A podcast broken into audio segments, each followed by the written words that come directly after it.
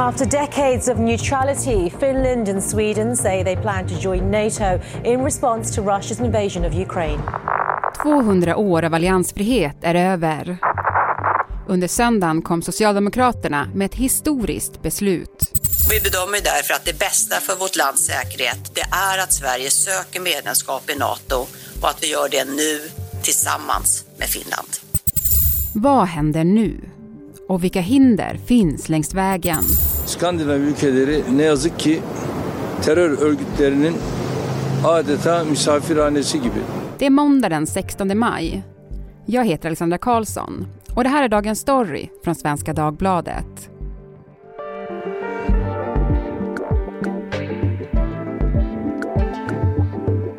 Maggie Strömberg, politikreporter här på Svenska Dagbladet. Vet du Maggie, jag kommer alltid att komma ihåg din födelsedag från och med nu. 15 maj, samma dag som Socialdemokraterna meddelade att man skulle ta Sverige in i NATO. NATO-dagen. Mm. Och NATO och Maggie-dagen från och med nu. Du, hur stort är det här? Alltså NATO-beskedet. Ja men på ett sätt så var det ju oerhört väntat. Vi har vetat i flera veckor att det skulle sluta precis så här. Men det är klart att det är jättestort. Det är ju flera hundra år av säkerhetspolitik som nu förändras. Och det är förstås ett, eh, ett jättesteg som jag, och det har vi ju bara sett början på. Vad kommer hända med oss som land? Vad kommer hända med vårt försvar? Hur kommer detta påverka oss? Mm. Hur eniga har man egentligen varit i Socialdemokraterna om det här beslutet? Inte särskilt får man väl ändå säga. Eh, sidoorganisationerna har ju varit emot och det finns också flera tongivande socialdemokrater som har varit kritiska till det här beslutet. Skånedistriktet till exempel och en, hel del debattörer. Samtidigt så har man ju sett att en del sådana här eh, typiska personer som kanske hade kunnat hamna på andra sidan mot Magdalena, Magdalena Andersson inte har gjort det, till exempel Margot Wallström, tidigare utrikesminister, Jan Eliasson, samma sak, jätteviktiga inom partiet. Även Daniel Suhonen som leder Reformisterna, den här gruppen som alltid är emot, de har varit på samma linje som partiledningen och det har ju haft ganska stor betydelse för att få med sig partivänster och gräsrötter. Mm. Men det här har väl också varit viktigt för Socialdemokraterna, de har ju haft de här eh, vad är det, mötena, de har personer. Jag har hört väldigt mycket, eh, jag pratat om det i, i din podd Politiken, så jag har lärt mig. Men hur, hur, har sett den här, liksom, hur har det sett ut för dem? Men dels hade man under förra veckan tre medlemsmöten som var digitala, där medlemmar, alla fick, vem som helst fick anmäla sig och man kunde ställa frågor. Sen har man också haft i respektive distrikt olika diskussioner och också i arbetarkommunerna som det heter i Socialdemokraterna. Så det har varit en ganska stor men snabb process. Och det där är ganska typiskt för Socialdemokraterna. Det är kan man säga en, en förankringsprocess eller kanske man till och med kan säga det är en möjlighet för alla att få lufta sina våndor och var, få säga sitt. Och sen bestämmer ändå Magdalena Andersson hur det ska bli. Men nu upplever partiet att folkrörelsen har fått vara med. Mm. Så det är lugnt nu, alla är ombord? Det är de, alltså man tog ju det här beslutet på partistyrelsen igår utan att ha votering. Så att det finns inga röstsiffror att titta på. Och det, det klassiska i Socialdemokraterna i ett sånt här jättebeslut, det är att man sen sluter upp. Och man hör redan de som har då varit ja, men som har tyckt att det här varit mindre kul, de pratar ju nu om vad är nästa steg då? Hur ska vi kunna fortsätta jobba med kärnvapennedrustning till exempel inom NATO? Hur kan man påverka vilket land Sverige ska vara i NATO? Och sen har vi ju, eh, berättade de ju igår också att man inte kommer ha permanenta baser i Sverige och att man inte heller är för att det ska finnas kärnvapen i Sverige. Och det är ju också ett sätt att då rikta sig till de som, som är tveksamma. Mm. Du Maggie, minns du vad du gjorde måndag den 11 april 8.15? Ja, då är jag nog på väg till jobbet. en som var på jobbet då, det var försvarsminister Peter Hultqvist och han minns exakt vad han gjorde då. När ändrade du dig? Ja, det var den 11 april klockan 8.15 på morgonen. Vad hände exakt 8.15 den morgonen? Du var så exakt i tidsangivelsen ja, det, var, det var därför att jag satt där tillsammans med, med flera andra och så sen så tänkte jag så här att nu efter allt det här funderandet så måste jag väl bestämma mig till slut. Och då var klockan kvart över åtta. Så jag skrev ner det på ett papper till och med. Det är ju intressant när man tänker på vad som hände där omkring den 11 april. För helgen före, då rapporterade finska medier att Peter Hultqvist försökte få till ett avtal mellan Finland, USA och Sverige och fördjupa samarbetet och därmed undvika att gå med i NATO. Det här blev ganska stor diskussion då. Vad håller han på med? Gör han det här eh, på eget bevåg eller är det detta Magdalena Andersson också vill? Några dagar senare, då avslöjade Svenska Dagbladet att Magdalena Anderssons mål var att vi ska gå med i NATO. Det blev en jättestor världsnyhet då mm. och ehm, då, det dementerade ju Magdalena Andersson sen på pressträffen med Sanna Marin. Det, var, det här var samma vecka som Finlands eh, rapport kom och Sanna Marin var i Sverige, de hade gemensam pressträff. Och då dementerade hon det, men sanningen var ju att då var det ju så. Mm. Då var de redan på väg in. Mm. Men man kan säga då att Peter Hultqvist gjorde allting för att försvara Hultqvist-doktrinen kämpade till sista stund. Ja, och Hultqvist-doktrinen, det är ju alla de här avtalen som han har ägnat eh, åtta år som försvarsminister åt att, att eh, teckna med olika länder och med NATO. Och det är klart, det är ju hans arv, det är ju det han har sysslat med och hans politiska gärning som nu faktiskt försvinner in i NATO. Mm. Han har ju också sagt att han aldrig skulle medverka till att ta Sverige in i NATO, men nu gör han ju det. Kommer han avgå nu? Det tror jag inte, det finns väl ingenting som tyder på det. Han har själv sagt att han inte tänker göra det.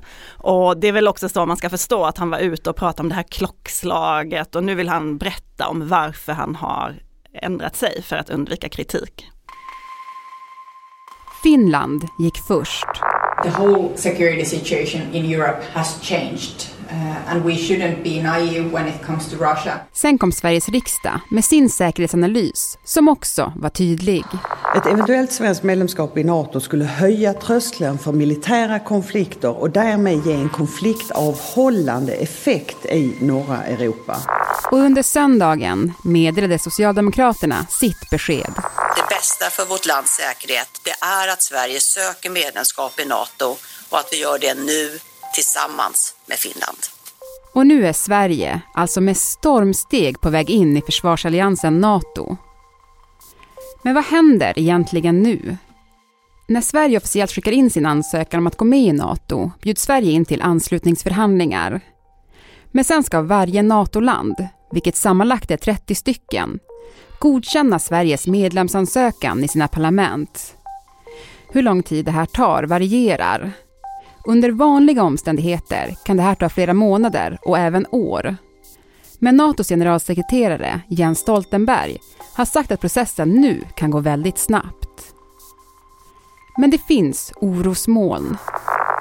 Skandinav ülkeleri ne yazık ki terör örgütlerinin adeta misafirhanesi gibi. Turkiets president Erdogan har uttalat att det vore ett misstag om Sverige och Finland gick med. Och många frågar sig också hur Ryssland nu kommer reagera. Jag tänker inte sticka under stol med att Sverige under ansökningsprocessen kommer att befinna sig i ett utsatt läge. Och det är ju för övrigt ett läge som vi redan befinner oss i. Ja, nu har vi fått in Jesper Sundén, utrikesreporter i studion. Du Jesper, vad finns det för verkliga hot mot Sverige nu under processen?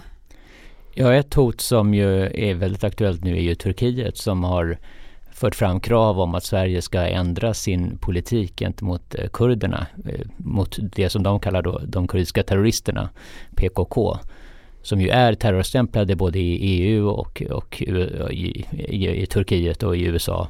Eh, men Turkiet betraktar ju även de syriska kurderna YPG och, och PYD och SDF, det är många sådana förkortningar men, men SDF är de syriska demokratiska styrkorna, det var ju i, i praktiken de, USAs marktrupper i striden mot IS och som var avgörande för att besegra IS, eh, terrorgruppen i Syrien. Mm. Och eh, de, de dog, de hade ju, var ju jättemånga som dog och, och de, de stred fantastiskt så att den amerikanska armén var ju väldigt eh, liksom eh, imponerad av dem och lojala mot dem och lovade ju gång på gång att de skulle inte överge dem. Eh, men det var precis vad Donald Trump gjorde 2019, hösten 2019.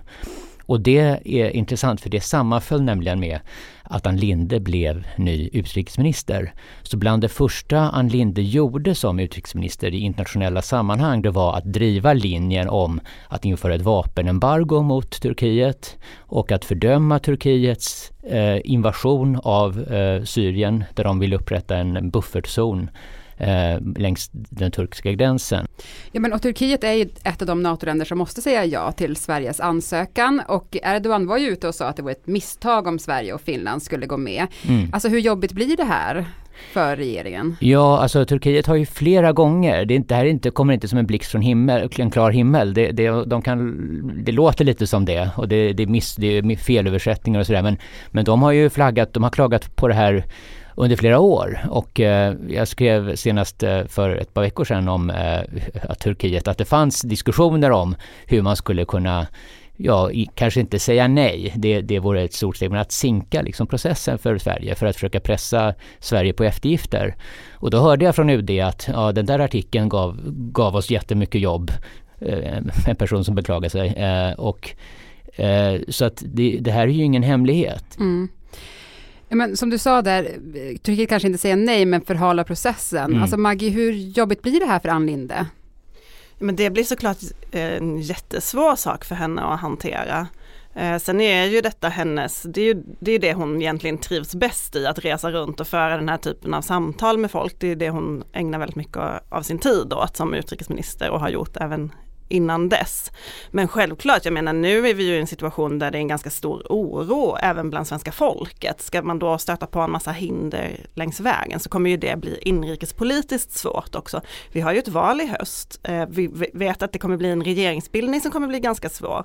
Ska vi ha en övergångsregering som ska hantera den här typen av saker? Allt det där kommer ju bli svårt för alla partier i Sverige. Mm. Och, och, finns det några mer hinder i den här godkännande processen? Ser du några sådana Jesper? Det är ju 30 länder som ska godkänna att Sverige går med. Mm. Det finns ju ett som har seglat upp, och, men det är, lite, det är inte riktigt i samma paritet som, som det turkiska kravet, men det är ju Kroatiens president som ju inte har någon formell makt att, att förhindra ett, ett svenskt medlemskap. Däremot så är han väldigt populär i Kroatien Eh, han är socialdemokrat precis som, som eh, Sveriges och Finlands regeringar men, men han har ju eh, kräv, gått ut och, och ja, krävt att Kroatien ska förhindra, inte ratificera Sveriges och Finlands medlemskap förrän mm, Sverige och Finland agerar på något sätt för att man ska ändra vallagarna i, i Bosnien. Så att eh, kroaterna i Bosnien får vad de anser vara samma rättigheter som, som serberna och bosniakerna. Mm. Eh, och Finland har faktiskt, eh, de var väldigt tidigt efter det här utspelet så, så gick de ut och talade, talade om att de stödde en ändring av vallagarna i Bosnien. Eh, men jag har inte sett att Sverige har gjort något sånt. Mm. Så det skulle också kunna innebära ett problem. Mm. Och, men, men det är inte riktigt, å andra sidan så är hela regeringen i Kroatien de, de, är, de är, tar avstånd från det här och vill, och vill godkänna Sverige. Mm. Och jag tänkte bara på en sak till, apropå Turkiet. 2009 när eh, Anders Fogh Rasmussen skulle bli eh, NATO-chef, då var Turkiet arga på honom för Mohammed-karikatyrerna. Och, och, då, då förhalade man godkännandet av honom och sa nej det skulle man inte gå med på. Och då krävdes det att president Obama, Barack Obama i USA, eh, ingrep. Och vem vet, Biden kanske får ingripa. Mm. Det är, verkligen, eh, det är verkligen stor politik det här får man väl säga. Och vi vet inte hur lång tid det kommer ta innan vi blir godkända. Vi har ju formellt inte skickat in en ansökan än, men det vet vi inte. Nej, det finns ju uppskattningar. Man har ju tittat på tidigare processer och så tänker man sig att det väl ska gå lite snabbare för Sverige och Finland. Nu säger man väl fyra till tolv månader tror jag är det som brukar sägas. Mm. Men det är ju också sådär, nu är det ju snart sommar, många parlament går på uppehåll, hinner man innan dess? Och, ja. Mm. Du, Ann Linde blir ju nu då den utrikesminister som kommer ta Sverige in i NATO, eller i alla fall försöka. Eh, och du Maggie skrev ju tillsammans med Torbjörn Nilsson ett reportage om henne eh, och den här processen. Och jag tänkte på under pressträffen igår eh, så lät det så här. Jag är naturligtvis också mycket glad för att eh, vårt parti har landat i den här eh, slutsatsen att Sverige bör ansöka om medlemskap i NATO. Här lät hon ju rätt glad över det här beslutet. Mm. Men, men, men hur känner Ann Linde egentligen inför det? Jag kan tänka mig att Ann Linde är en av dem som också är lättad över att slippa det här skådespelet som har pågått i några veckor där man ska låtsas som att det inte är klart. Hon är ganska känd för sin rakhet. Hennes medarbetare brukar kalla henne för no bullshit ministern. Hon gillar liksom inte riktigt det där. Men det sägs också i partiet att hon är den som har varit mest pådrivande, att hon eh, vände före Peter Hultqvist. Det där har vi inte riktigt lyckats reda ut än, men eh, det kommer. Mm, härligt! Och i väntan på det kan man läsa det här reportaget, det var verkligen otroligt tyckte jag.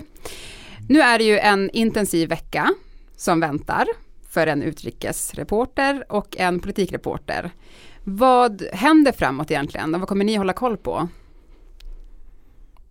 Imorgon kommer ju president Niinistö på statsbesök till Sverige och ska också hålla pressträff ihop med Magdalena Andersson. Han ska åka kortege med kungen och lite sådana grejer också. Men eh, det blir ju intressant. Och sen är ju frågan när skickas ansökan in? Det blir riksdagsdebatt idag också där alla partier ska eh, tycka till. De flesta kommer väl hålla med varandra. Mm. Men, men Miljöpartiet och Vänsterpartiet är ju av annan åsikt. Mm.